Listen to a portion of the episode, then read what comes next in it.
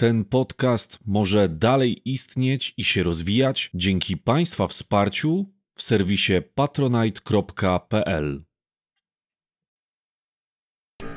Edukacja. Geoedukacja.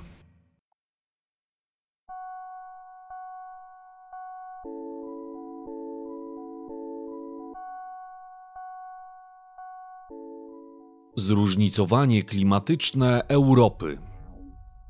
Jedna z poprzednich lekcji w klasie szóstej dotyczyła oświetlenia Ziemi. I to jest podstawowy czynnik, który wpływa na klimat, jaki w Europie możemy odnaleźć. Europa znajduje się w dwóch strefach oświetlenia Ziemi. Zdecydowana większość Europy będzie znajdować się w strefie umiarkowanej. Natomiast również niewielkie fragmenty znajdujące się na północy naszego kontynentu znajdą się w strefie podbiegunowej północnej. Klimatów jednak, jakie będziemy tutaj wyróżniać, będzie nieco więcej. Ale to właśnie te strefy, a raczej szerokość geograficzna, bo to właśnie wraz z szerokością geograficzną zmienia się wysokość Słońca nad horyzontem. A to oznacza, że również większa ilość energii dociera do powierzchni Ziemi. Obserwujecie to doskonale, zarówno w ciągu dnia, jak i w ciągu roku. Rano, kiedy słońce jest nisko, jest zimno. Najcieplej jest w południe, kiedy słońce jest wysoko. Podobna sytuacja to różnica pomiędzy latem a zimą. W lecie słońce jest generalnie wyżej nad horyzontem niż w zimie, no i to oznacza właśnie, że do powierzchni Ziemi dociera większa ilość energii słonecznej, dlatego w lecie jest cieplej. Ale ta wysokość słońca nad horyzontem nie zmienia się tylko w ciągu dnia i w ciągu roku. Ona się zmienia właśnie także wraz z szerokością geograficzną. Na południu Europy słońce przez cały rok jest wyżej niż w północnych częściach naszego kontynentu. Dlatego generalnie to na południu będzie cieplej, a przemieszczając się w stronę północną, będzie robiło się coraz chłodniej. Na południu Europy odnajdziemy klimat podzwrotnikowy śródziemnomorski. Jeżeli byliście tam na wakacjach, tam, to znaczy w Grecji, w Chorwacji czy we Włoszech lub Hiszpanii, to pewnie kojarzycie, że raczej na 99% trafiliście na pogodę słoneczną, pozbawioną opadów. Tak właśnie jest w tamtym klimacie. Lata są tam pogodne i suche. Nieco dalej na północ odnajdziemy strefę umiarkowaną. Tutaj możemy ją podzielić na dwa rodzaje. Po pierwsze, będą to klimaty umiarkowane ciepłe, natomiast nieco bardziej na północ będzie to strefa klimatów umiarkowanych chłodnych.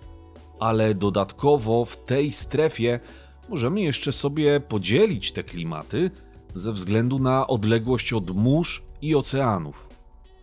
To bardzo ważny czynnik, który bardzo mocno wpływa na klimat naszego kontynentu, bo nawet będąc na tej samej szerokości geograficznej, co oznacza, że ta sama ilość energii od Słońca dociera do powierzchni Ziemi, to jednak to, czy jesteśmy bliżej oceanu, czy jesteśmy od niego dalej, będzie bardzo mocno wpływać na klimat.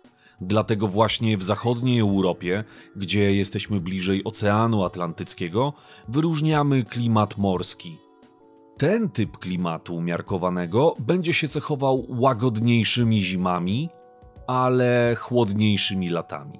Tutaj warto poznać takie słowo jak amplituda. To jest różnica pomiędzy najcieplejszym a najzimniejszym miesiącem. No i w klimacie umiarkowanym morskim te różnice nie będą aż tak duże jak w głębi kontynentu, no bo właśnie lata są chłodne, a zimy łagodne. Sąsiedztwo z oceanem oznacza jeszcze jedną rzecz. Skoro jesteśmy bliżej wody, to również i więcej wody będzie znajdować się w powietrzu, bo przecież z oceanu trochę tej wody wyparuje. A woda w powietrzu będzie oznaczać dwie rzeczy: większe zachmurzenie oraz większe opady deszczu. I to są właśnie te rzeczy, których możemy spodziewać się w zachodniej części Europy.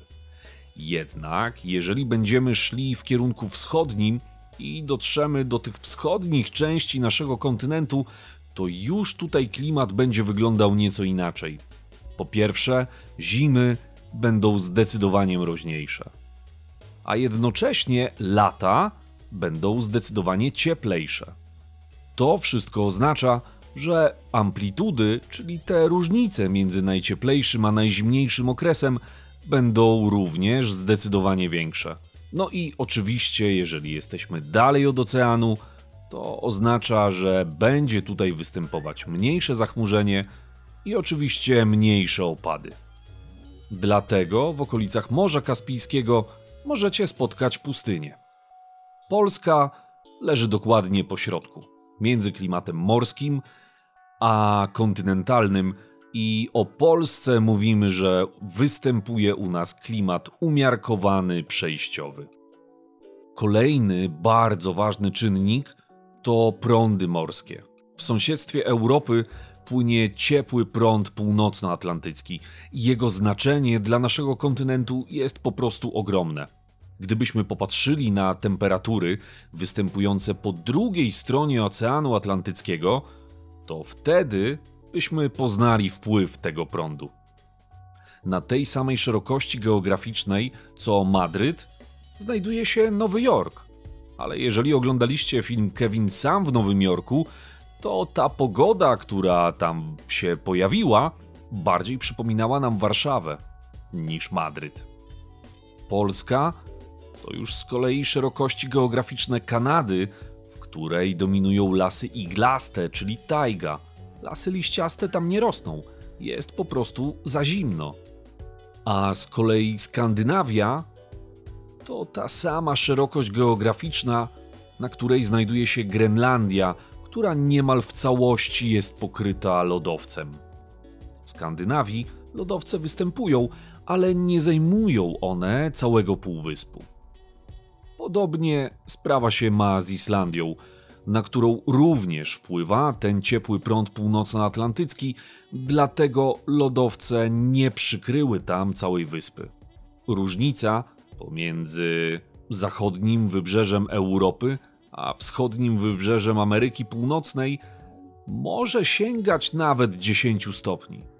Ta różnica na naszą korzyść to przede wszystkim zasługa właśnie ciepłego prądu morskiego. Gdyby nie on, warunki do rozwoju rolnictwa czy w ogóle do mieszkania byłyby tutaj zdecydowanie inne.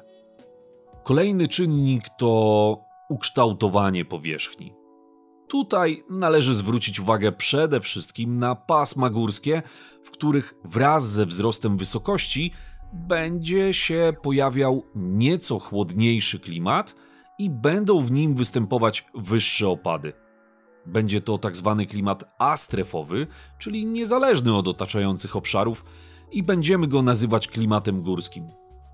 Jeżeli byliście w górach, czy to w Bieszczadach, a już szczególnie łatwo to zauważyć w Tatrach, to na pewno doświadczyliście tego, że wraz ze wzrostem wysokości, im wspinaliście się wyżej, tym robiło się zimniej.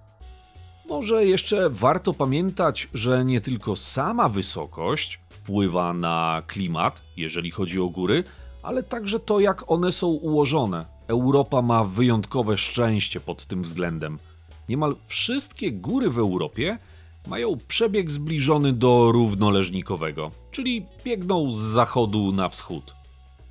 I jeżeli do tego dodamy to, że wiatry w Europie wieją głównie z zachodu na wschód, to praktycznie nie ma żadnych przeszkód po drodze, aby to powietrze z nad Atlantyku mogło docierać dalej w głąb kontynentu.